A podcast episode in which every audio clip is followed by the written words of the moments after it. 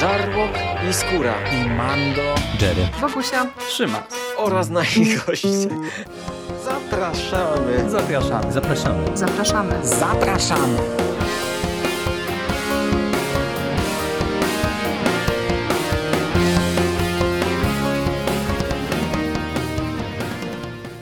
Witamy Was wszystkich bardzo serdecznie w kolejnym odcinku konglomeratu podcastowego. Z tej strony Michał Rakowicz, czyli Jerry, i jest ze mną Hubert Spandowski. Mando, cześć Mando. Cześć Jerry. Witamy się z Wami w drugim odcinku poświęconym gabinetowi osobliwości Guillermo del Toro, e, czyli antologii, e, która była prezentowana pomiędzy 25 a 28 października po dwa odcinki dziennie. Mm, my te pierwsze dwa odcinki omówiliśmy na gorąco, premierowo. Teraz e, systematycznie postaramy się omówić e, dla Was resztę. E, no i dzisiaj zabieramy się za dwa kolejne epizody, czyli odcinek trzeci zatytułowany Autopsja oraz odcinek czwarty zatytułowany Outsiderka. Przy czym wydaje mi się, że ten tytuł polski nie ma specjalnie sensu, ale to rozwinę jak przejdziemy do samego odcinka. E, tak jak e, ja już zasygnalizowałem na koniec tego pierwszego podcastu, ten odcinek trzeci e, już od początku e, serwuje nam nieco inny klimat i myślę, że mm, od razu bym Cię poprosił o jakieś tam krótkie streszczenie fabuły, bo też tak jak zapowiadaliśmy, my już do tych wprowadzeń e, Del Toro oraz do samej czołówki mm, na tym, na tym etapie nie będziemy się ponownie odnosić, no bo one są w tym samym klimacie, czołówka jest identyczna, więc to ewentualnie sobie podsumujemy może w ostatnim odcinku właśnie właśnie na ile ona działa, jak się ją obejrzy już ze znajomością poszczególnych odcinków. Ewentualnie zanim streszczę fabułę, to na przykład mógłbyś jeszcze dwa zdania o twórcach powiedzieć. No tak, no możemy zacząć w sumie od twórców. Dobra, trochę zakręcony jestem, przepraszam. Za ten odcinek odpowiada e, David Pryor e, i to jest e, gość, który zasłynął gdzieś tam e, filmem The Empty Man, który my omawialiśmy z Szymasem w nawiedzonym podcaście. E, filmem, który trochę gdzieś przepadł, ale zaczął żyć bardzo mocno w drugim obiegu i filmem, horrorem bardzo dobrym. Notabene dostępnym chyba cały czas na Disney+, Plus, więc jeżeli ktoś nie miał okazji się z nim spotkać, to e, na pewno warto nadrobić. E, no i ja nie ukrywam, że czekałem chociażby właśnie ze względu na ten fakt, na ten konkretny odcinek.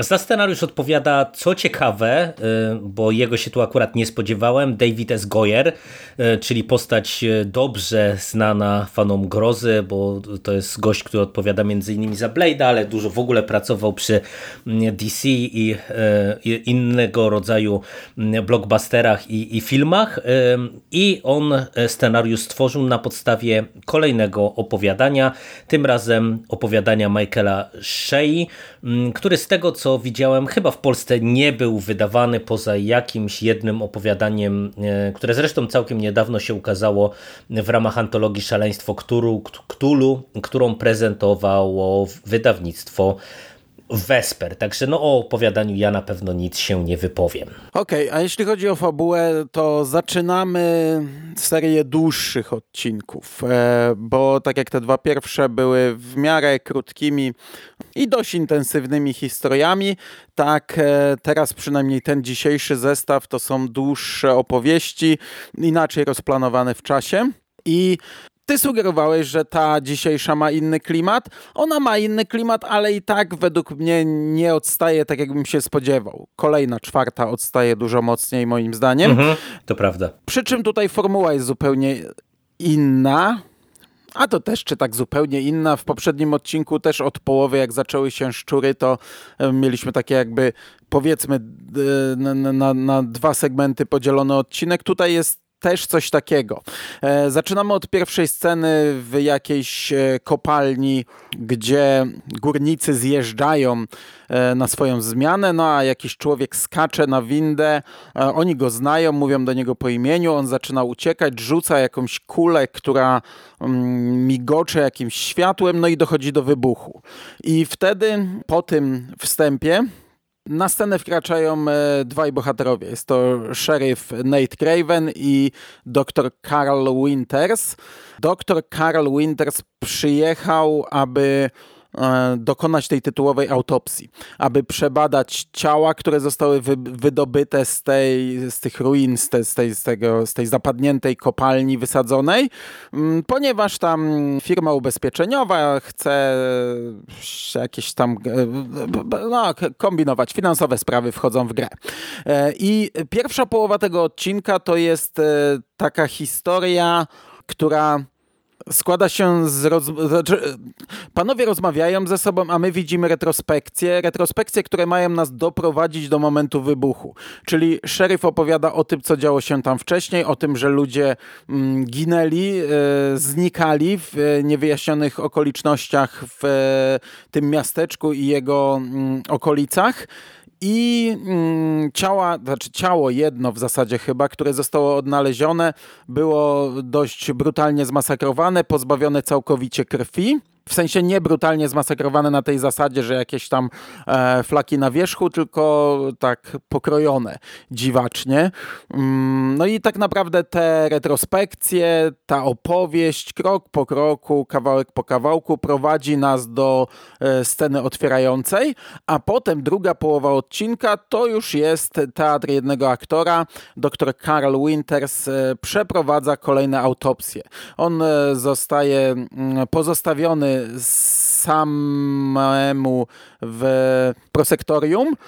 Szeryf zostawia go tam na noc, a on wyciąga kolejne ciała, e, nagrywa taśmę, więc cały czas opowiada o tym, co robi e, i kroi je. Kroi w dość dosadny e, sposób. My widzimy to, co się tam dzieje. No i to prowadzi nas do finału, do rozwiązania całej zagadki. Bardzo brutalnego, mocnego finału, ale też bardzo fajnego. I to tak chyba tyle w skrócie.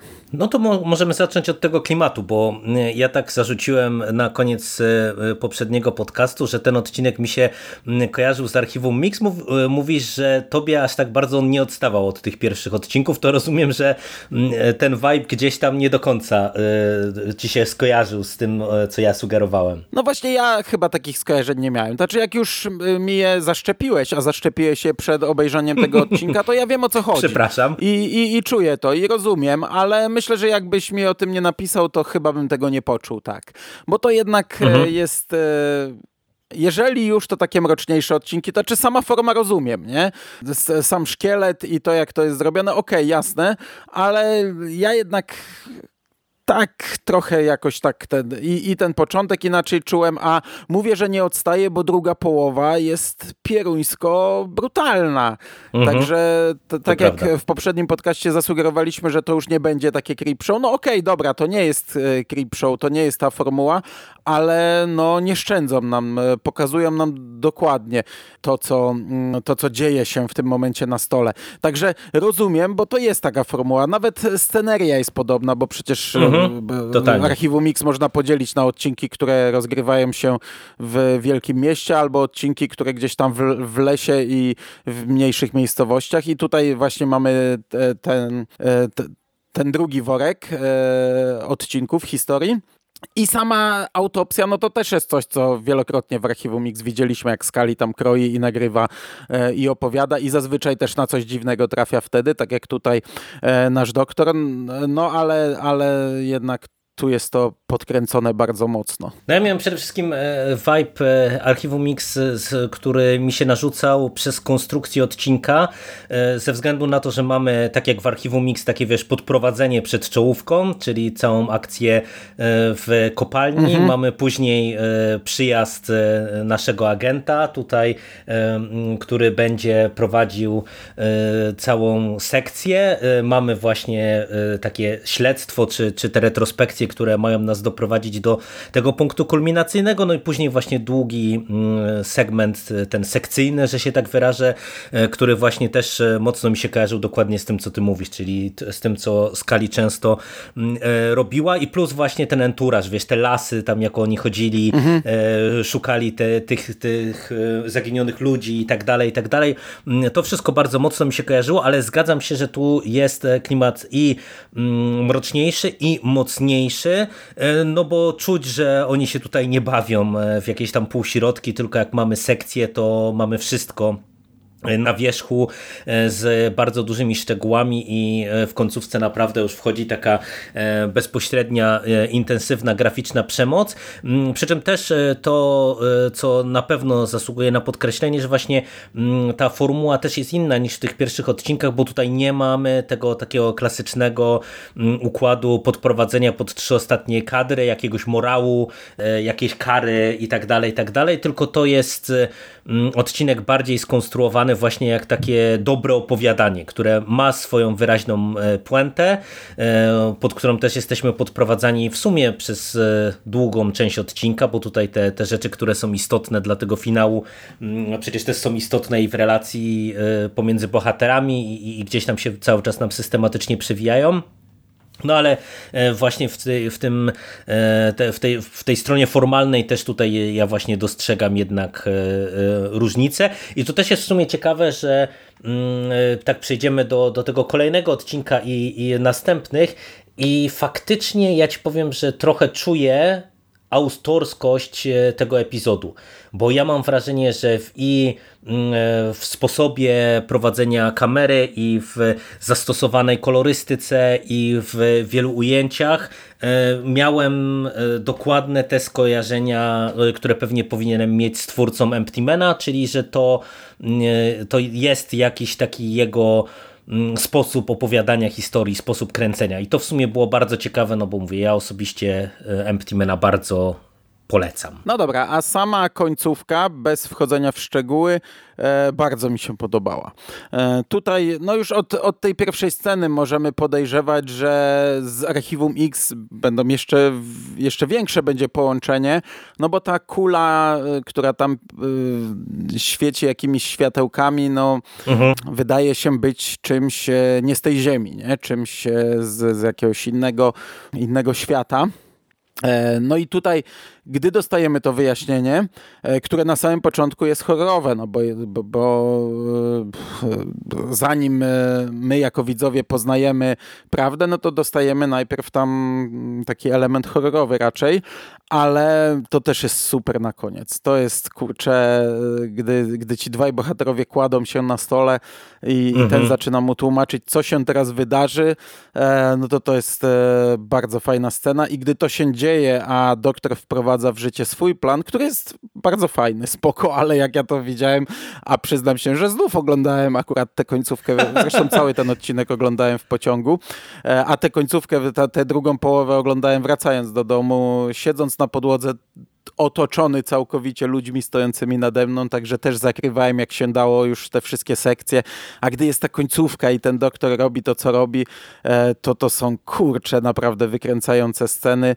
No i, i, i te, te ostatnie tutaj, ostatnia zupełnie scena, gdy ten plan już jest e, w fazie końcowej, e, ten jego na szybko wymyślony plan, jak tutaj wygrać to starcie, to jest też bardzo fajna rzecz, także bardzo mi się podoba, jak ten odcinek jest skończony. Tak, finał jest świetny, e, on jest zadziwiająco mocny, bo ci powiem, że nawet jak już wiedziałem, do czego ten plan e, doktora zmierza, to nie sądziłem, że zobaczymy to wszystko aż tak w detalach na, na ekranie, a jednak e, tutaj twórcy się na to zdecydowali, ale sam ten pomysł mi się szalenie podoba, bo wiesz, ten motyw w sumie jak już wiadomo o co chodzi, to to nie jest teoretycznie nic, czego byśmy nie widzieli przerobione przez i horror i science fiction na po prostu dziesiątki różnych sposobów, mm, ale i tak e, mam wrażenie, że tutaj to jest e, w nietuzinkowy sposób rozwiązane i to jest super, nie? że mm, teoretycznie właśnie tak mhm. tak ograny schemat udało się przerobić tak, żeby to było nadal interesujące, żeby to trzymało w napięciu.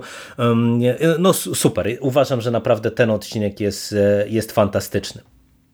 To jeszcze myślę, że warto, jak same kwestie fabularne mamy omówione, zatrzymać się chwilę przy aktorstwie, bo w dużej mierze to jest teatr jednego aktora, F. Mariah Abrahama i to jest aktor e, z potężną filmografią. On chyba najbardziej e, znany może być z Amadeusza, mm, chociażby Oscarowego wielkiego filmu, ale no jego filmografia to jest naprawdę przepotężna i to też jest jeden z tych aktorów bardzo charakterystycznych. Jak Ci się tutaj podobała ta, ta jego gra aktorska? Mm, no, ja tu nie, nie powiem nic odkrywczego. Bardzo okej. Okay. No to w porządku, to w porządku. Czyli można powiedzieć, że y, póki co na etapie tego trzeciego odcinka trzymamy poziom i jeżeli chodzi o fabułę i trzymamy poziom o realizację i aktor, y, jeżeli chodzi o realizację i aktorstwo. I możemy no, przejść no, a, pewnie... A jeszcze poczekaj, ci przerwę, no. ale ten y, Marej Abraham, on też jest laureatem Oscara, tylko nie wiem za co za bardzo. W kategorii za najlepszy aktor pierwszoplanowy, no. To będzie e, za Amadeusza pewnie. Tak, tak, tak. Amadeusz. Tak jak, tak jak powiedziałem. Dobrze. A natomiast tutaj mamy też aktora z naszego ulubionego, jednego z ulubionych seriali, czyli z Black Sails. E, tego... Luka Robertsa? Z, z Wola teoretycznie, e, no właśnie, Joe Allena gra Luke Roberts, czyli e, Woodus Rogers e, z Black Sails. A to patrz, to ja go nawet nie poznałem, nie skojarzyłem. ja też go nie poznałem, bo wygląda trochę inaczej. Potem dopiero doczytałem. No to nieźle, to nieźle. No dobra, no to, to mamy e, trzeci odcinek omówiony. Bardzo polecamy, tak jak słyszycie. I możemy przejść do odcinka czwartego, za który odpowiada Anna Lili Amirpur. Jest to reżyserka, która jest e, chyba najbardziej znana z e, horroru Dziewczyna, która wraca nocą sama do domu. Z tego co pamiętam, również omówionego w nawiedzonym podcaście. E, ona także dwa lata później nakręciła bodajże dla, Netflix, dla Netflixa horror The Bad Batch, ale nie mylić z tymi Gwiezdnymi Wojnami, bo to jest zupełnie inny klimat. I to jest twórczyni, która także pracowała trochę już w telewizji, bo pracowała i, i przy Legionie, mm, i przy Castle Rock, e, co ciekawe, czyli znów mamy jakieś kingowe powiązania i przy Strefie Mroku tej nowej, mm, także ona i e, w filmie i w mm, telewizji trochę już nam się przewinęła i właśnie bardzo mocno gdzieś tam z grozą może być utożsamiana. E, za scenariusz odpowiada tutaj Hayley z Boston i to jest znów o, na no, podstawie no opowiadania. No, ale Helizy Boston nie ma jakiegoś wielkiego dorobku, nie? Ona pisała z tego, co widzę, e, przy Nowym Smaku Wiśni i to jest w zasadzie jej druga produkcja. No, ale to Nowy Smak Wiśni to może być też niezła rekomendacja, bo z tego, co pamiętam, to pomimo tego, że to nie jest rzecz omówiona e, póki co u nas, E, no to Szymas chyba oglądał i, i bardzo chwalił z tego co pamiętam. Mm, a e, też jest to na podstawie opowiadania, czy chyba raczej komiksu Emily Carroll, zatytułowanego Some Other Animals Meet i, i, wydaje mi się, że to jest chyba komiks, tak na szybko, na ile udało mi się do tego dotrzeć. Mm, I tak jak ty powiedziałeś już na wstępie, ten odcinek jest Mm, skrajnie inny, ale e, zanim e, oddam Ci głos, żebyś e, przybliżył fabułę, to jeszcze na chwilę się zatrzymam przy tym tytule, bo oryginalny tytuł jest The Outside i dlatego wydaje mi się, że ta outsiderka to nie jest do końca szczęśliwe tłumaczenie, że ten oryginalny angielski tytuł mam wrażenie, że zawiera w sobie tę dwuznaczność, która jest tutaj istotna i, i to nawiązanie do tego wnętrza człowieka, ale wnętrza w, mhm. e, w no. zakresie, e, że tak powiem, e, i dosłownym, ale i też tym przenośnym, czyli tej takiej niepowierzchowności, czyli tego, co tam, te, tego czegoś, co, że tak powiem, często w związku jest tym mitycznym czymś, że, że mm, kogoś się kocha nie za zewnętrzną powłokę, tylko za właśnie to, jakim jest człowiekiem i, i wydaje mi się, że tutaj ten polski tytuł, to tłumaczenie outsiderka jest średnio szczęśliwe, no bo niby ta główna bohaterka trochę się wpisuje w ten schemat, ale, ale jakoś mi się to osobiście bardzo mocno gryzie. Tak tylko chciałem no, no, tutaj to, to, wspomnieć. E, tak, jakbym nie znał e, oryginalnego tytułu, to bym pomyślał, że to o to chodzi, że ona jest tutaj outsiderką, nie? Tylko, że no to zupełnie inne znaczenie, nie? Zupełnie o co innego chodzi. No ona jest outsiderką, ale oryginalny tytuł um, zupełnie co innego nam mówi, nie? Mhm, dokładnie tak. No to przejdźmy Natomiast do jeśli chodzi o fabułę, e, po pierwsze jest to odcinek świąteczny, tak jak zapowiadałem już e, w poprzednim odcinku. I te święta, one nie odgrywają roli fabularnej. Ale one cały czas tutaj są. Bo ja tak się zastanawiałem, jak tam e, już my, my, my wiedziałem, że to będzie świąteczne, na ile tutaj te święta będą e, w trakcie odcinka, ale one są cały czas i muzycznie, mhm. i wizualnie. Także gdybym to omawiał w świątecznych horrorach, to by, bym e, oceniał wysoko jako inne podejście, wiesz, bo tam jednak mamy ciągle, bardzo często powtarzają się te same wątki, nie? Morderca Mikołaj, bla, bla, bla i tak dalej. I jakiś slasher w, w tym obszarze, a, a jak znajduję coś zupełnie innego, to wtedy się zawsze tym cieszę bardziej w tych zestawach świątecznych horrorów, ale nie omawiam tego w świątecznych horrorach, tylko tutaj i tu już tak wyrozumiały nie będę. Jasne. Natomiast historia jest e, taka. Poznajemy główną bohaterkę, czyli e, Stacy, która pracuje w banku i która jest właśnie taką outsiderką. Ona jest tutaj ucharakteryzowana, by wyglądać jak taka po pierwsze szara mycha, po drugie, no, by nie wyglądać atrakcyjnie. Krzywe zęby, jakaś tam fryzura taka zwykła, naturalna, no nie jest odpicowaną laską, natomiast w koło niej są same właśnie e, takie odpicowane panie, które z nią tam pracują. E, które cały czas trejkoczą o o tym samym tak naprawdę. E, tak jakby z tego odcinka wyciągnąć wnioski, to w zasadzie e, jedynie e, plotkują o, o tym, która jaką suką jest i o tym, kto jakie przyrodzenie wyciągnął gdzieś tam przed nimi i, i jakiego ma długiego członka i, i z kim jaki seks i tak dalej, i tak dalej. No takie rozmowy tutaj cały czas mamy, a ona taka sobie, taka szara myszka siedzi z boku. Jest żoną policjanta albo szeryfa, nie pamiętam, który też jest takim, e, no, tak, tak, taki, taki nerdowaty powiedzmy. I jedna z tych pań, Gina jest tam taką szefową tych lasek, to tak, tak jakby, jakbyśmy przenieśli się w realia e, liceów e, w filmach amerykańskich, to ona by była tą główną cheerleaderką e, i ona tam jakiś krem e, używa i to jest jakiś drogi krem reklamowany przez w tych w, w telezakupach, bo to jest drugi element, który tutaj cały czas się przewija w tym odcinku, to telezakupy. E, u nich cały czas w domu jest włączony telewizor i cały czas lecą reklamy sklepów E, reklamy zamówień e, telewizyjnych. No i nasza Stacy została w końcu po latach pracy w tym banku zaproszona na imprezę bożonarodzeniową do Ginny i tam oczywiście no, nie popisała się jest na uboczu, jest, no nie, nie wpasowuje się w ten e, szablon tych tutaj pięknych lasek, które sobie cały czas gadają o, o tych pustych tematach, o których, e, które przytoczyłem. Natomiast Gina daje im wszystkim ten krem, który zapomniałem jak się nazywał, w prezencie drogi, niby bardzo trudno dostępny, chociaż tak naprawdę no, wystarczy zadzwonić i zamówić, co też Stacy czyni e, bardzo szybko. One wszystkie zaczynają się smarować, no i Stacy e, ma jakąś alergię na ten krem, jej skóra robi się bardzo czerwona, Gina odsyła ją z tej imprezy do domu, tak naprawdę no, pozbywa się balastu w tym momencie e, i od tego momentu Stacy już siedzi w domu. Idzie na L4, bo jest cała czerwona, i od tego momentu też nie wiemy, na ile to się dzieje w głowie bohaterki, na ile naprawdę, bo te reklamy telewizyjne zaczynają zwracać się do niej i prezenter tego, o, Aloglo, no, mam, to przed oczami, ten y, główny aktor w reklamie sprzedający Aloglo y, zwraca się do niej, każe jej zamówić więcej, mówi do niej po imieniu, y, no, prowadzi z nią dialog tak naprawdę z ekranu telewizora.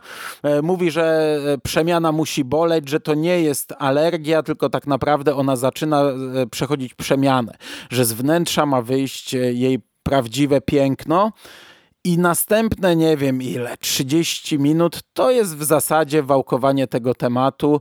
E, przy czym, żeby było jasne, w tym odcinku nie e, idziemy tak daleko z wizualną przemocą jak e, w tych wcześniejszych. E, tak naprawdę no, te, ta druga połowa odcinka, ona się robi coraz bardziej czerwona, gdzieś tam schodzi jej na skórek i tak dalej, ale myślę, że te trzy odcinki przyzwyczaiły mnie do tego, że yy, przekroczymy pewną granicę, której ja się nie spodziewam, a tutaj się nawet do niej nie zbliżamy. Za to zakończenie ma być takie przewrotne, nie do końca zrozumiałe, dwuznaczne. My mamy sami je zinterpretować. No i tutaj ten odcinek, to ja ci powiem, że on już e, od samego początku, od tej warstwy wizualnej, E, prezentuje się zupełnie inaczej niż e, te wcześniejsze, bo tutaj jest wszystko takie jasne, cukierkowe, jeszcze ten świąteczny klimat, który się wylewa to, to z ekranu. kamera tak jest, nie? Inaczej, taka chyba lekko szerokokątna, te mhm. twarze tych kobiet e, nachylają się do kamery. Ja miałem lekkie skojarzenia, a potem rozmawiałem z Michałem Ziajem i on mi napisał niezależnie, że miał identyczne skojarzenia z takimi gorszymi serialami Murphy'ego. Mhm. Możliwe. No ja akurat ci powiem, że y, y, takich skojarzeń nie miałem, ale ja też rozumiem skąd y, te skojarzenia mogły się u was pojawić, bo tutaj też jest taka trochę stylizacja na takie mm, umowne retro ja to nazywam, że to jest e, znów taki niedookreślony czas, że ja nie, nie umiałbym powiedzieć, czy to są jakieś lata 90., czy to są lata 80., wiesz, te kreacje wszystkie, te trwałe u tych e, lasek z banku, te, te wszystkie takie kostiumy, no bardzo nie dzisiejsze. No, no. I, i, ja miałem i z kolei jest... z telezakupami, mhm. tak, bo telezakupy kojarzą mi się z zupełnie inną epoką. Dzisiaj no jeszcze tak, istnieją tak, tak. telezakupy, mhm. nie? I tak nawet, nawet wiesz, ja byłem istnieją, przekonany, że to są... Istnieją, tak?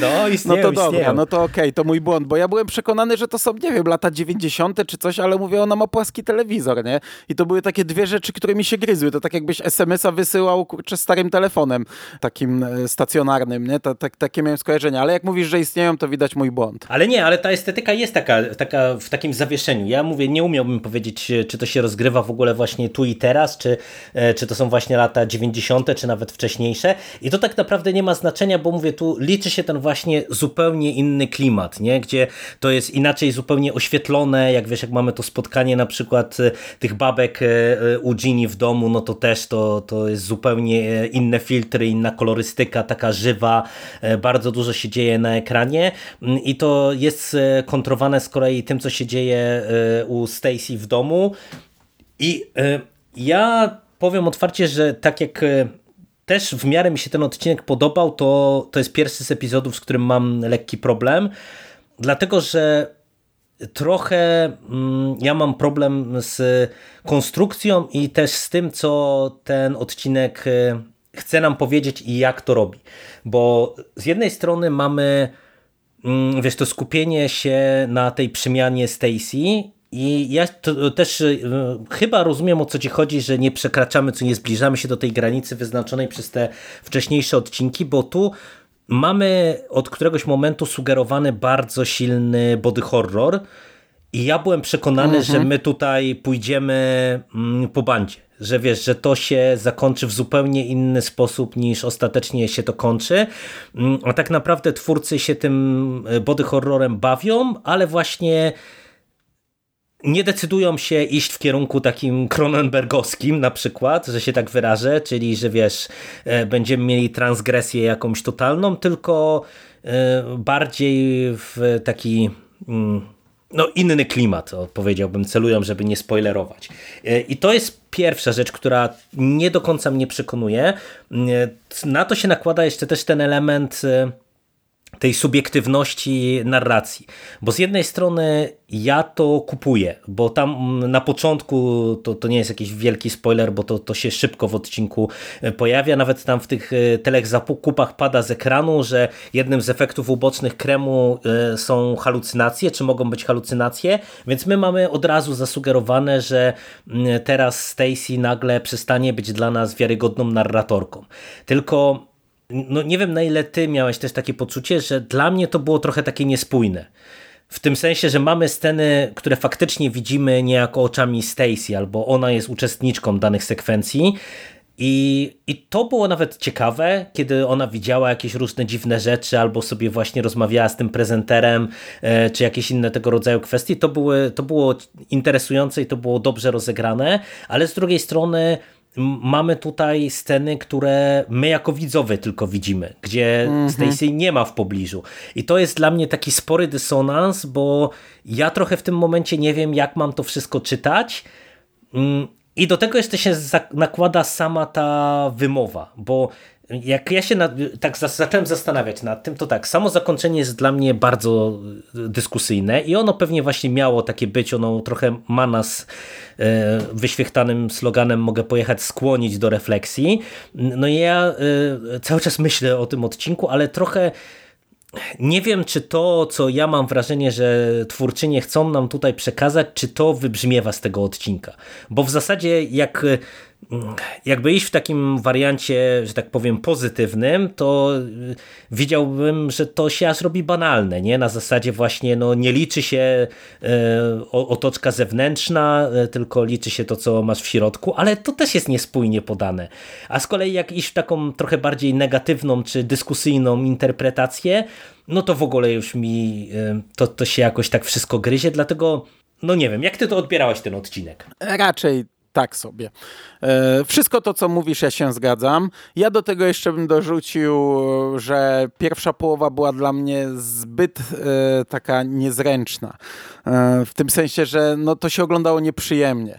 Ta, mhm. ta dziewczyna tam nie pasowała. Jak ona poszła na tę imprezę, to ja naprawdę aż ciary miałem, jak to oglądałem, bo ja wiedziałem, jak ona się tam wygłupi. Byłem przekonany w pewnym momencie, że ona będzie chciała wyjść nawet z tej imprezy, jak zdała sobie sprawę, jakie tam prezenty rozdają, a co ona przygotowała, a ona nie, ona wstaje, ja tu mam dla ciebie jeszcze prezent, to taka kompletnie nieświadoma, natomiast mnie się to oglądało nieprzyjemnie, niezręcznie, mhm. ale od momentu, jak e, ona pierwszy raz posmarowała się kremem, mówię, dobra, teraz już nie ma kontaktu z tymi kobietami, teraz zaczniemy jazdę po bandzie, nie? Teraz zaczniemy e, jazdę bez trzymanki I, i tak jak powiedziałem, kończąc opis, to też jest dla mnie problem, że ten odcinek jest pieruńsko długi, a on absolutnie nie wymaga takiej długości, bo tutaj mhm, się niewiele dzieje w tej drugiej połowie. Tę drugą połowę można by skrócić, to naprawdę ten odcinek można by dać w 30 minut i on nadal byłby długi moim zdaniem. No i, i, no i ja mówię, po tych trzech odcinkach byłem przekonany, że my jaki serial dostajemy. Wiesz, w tym bloku mamy odcinek, w którym gdy facet zaczął robić sekcję, to to jak kula śnieżna szło, nie? Myślałeś, że to już jest mocne, a w następnej scenie było jeszcze mocniejsze i jeszcze i jeszcze. A potem dostajesz e, odcinek, który też w połowie e, niby z, e, dochodzi do tego momentu, gdzie ma się zacząć e, jazda, a ona to po prostu tu się trochę podrapie. Tak naprawdę nawet setem tej skóry za dobrze nie zdrapuje. Jest taki mhm. moment, gdzie myślałem, że już się zacznie, nie? E, dużo za późno, ale, ale to i tak się to nie zaczęło. Także pod tym kątem tak trochę mnie to jednak rozczarowało, bo już miałem wyrobione oczekiwania od tego odcinka, a tutaj można było, można było pojechać. No ale to, co ty mówisz, e, ja, gdy mamy tę scenę, chyba pierwszy raz, gdy coś się dzieje, a nie ma tam Stacy, ona w tym momencie śpi, to też mówię, no Jezu, no to, to mówię bez sensu, bo albo to zrobili źle, tylko no, no po co by to zrobili? Albo już nam jednoznacznie powiedzieli, jaka jest interpretacja tego odcinka i w tym momencie już nie ma mm, drugiej żadnej interpretacji, bo to faktycznie jest ta jedna droga, nie? A, więc nie wiem, no albo to zrobili źle, a to jest złe, albo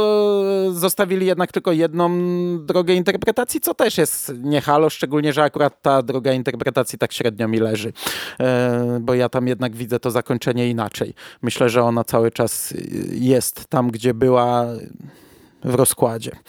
No i co jeszcze? O czymś jeszcze mówiłeś? E, no, no, o finale. No ja, ja o nim staram się jednak nie myśleć, bo on mi się nie podoba. Mhm. Rozumiem ciebie tutaj doskonale.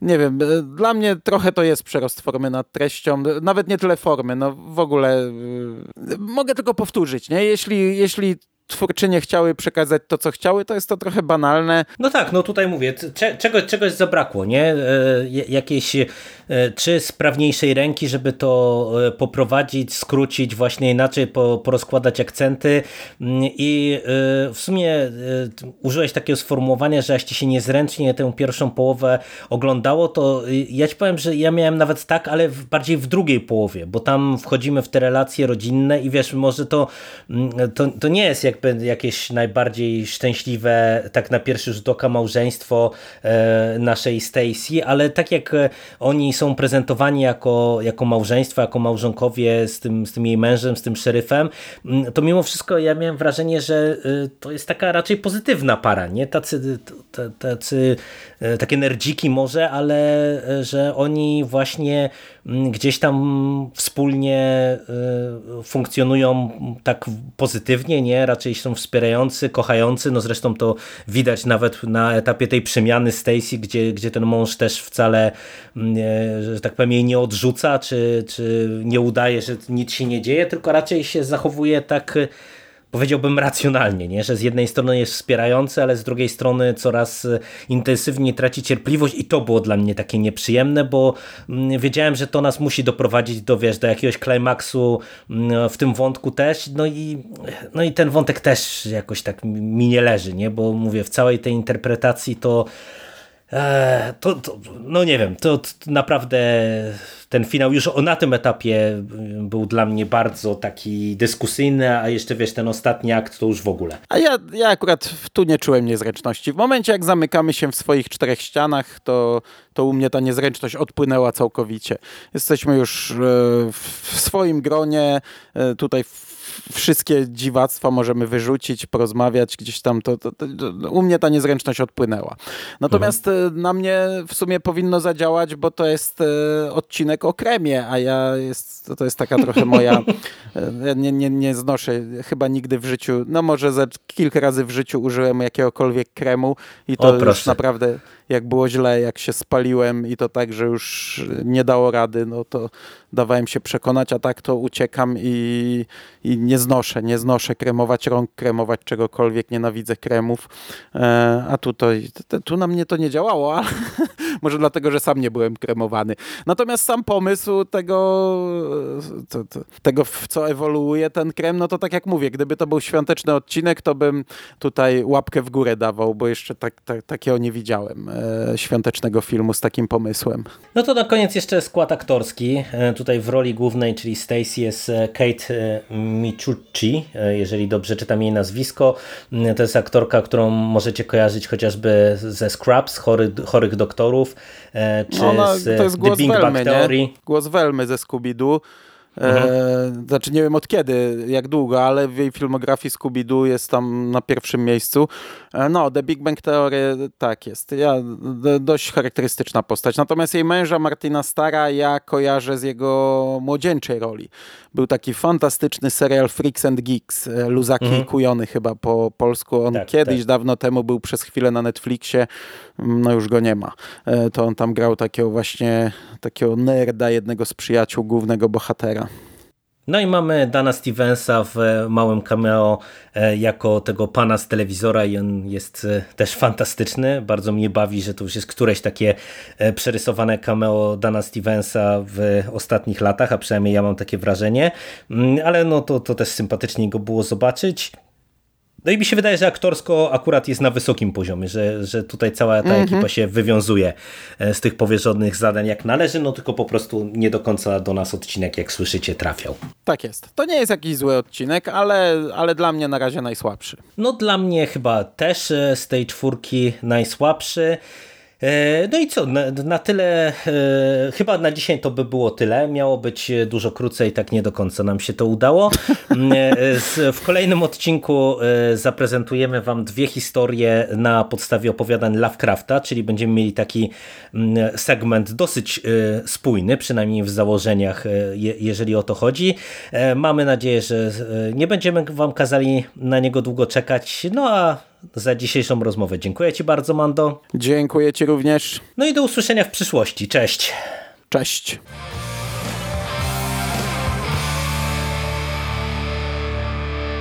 You finished? That's it, man. Game over, man. It's game over. What the fuck are we gonna do now? What are we gonna do? It's over. Nothing is over. Nothing. You just don't turn it off.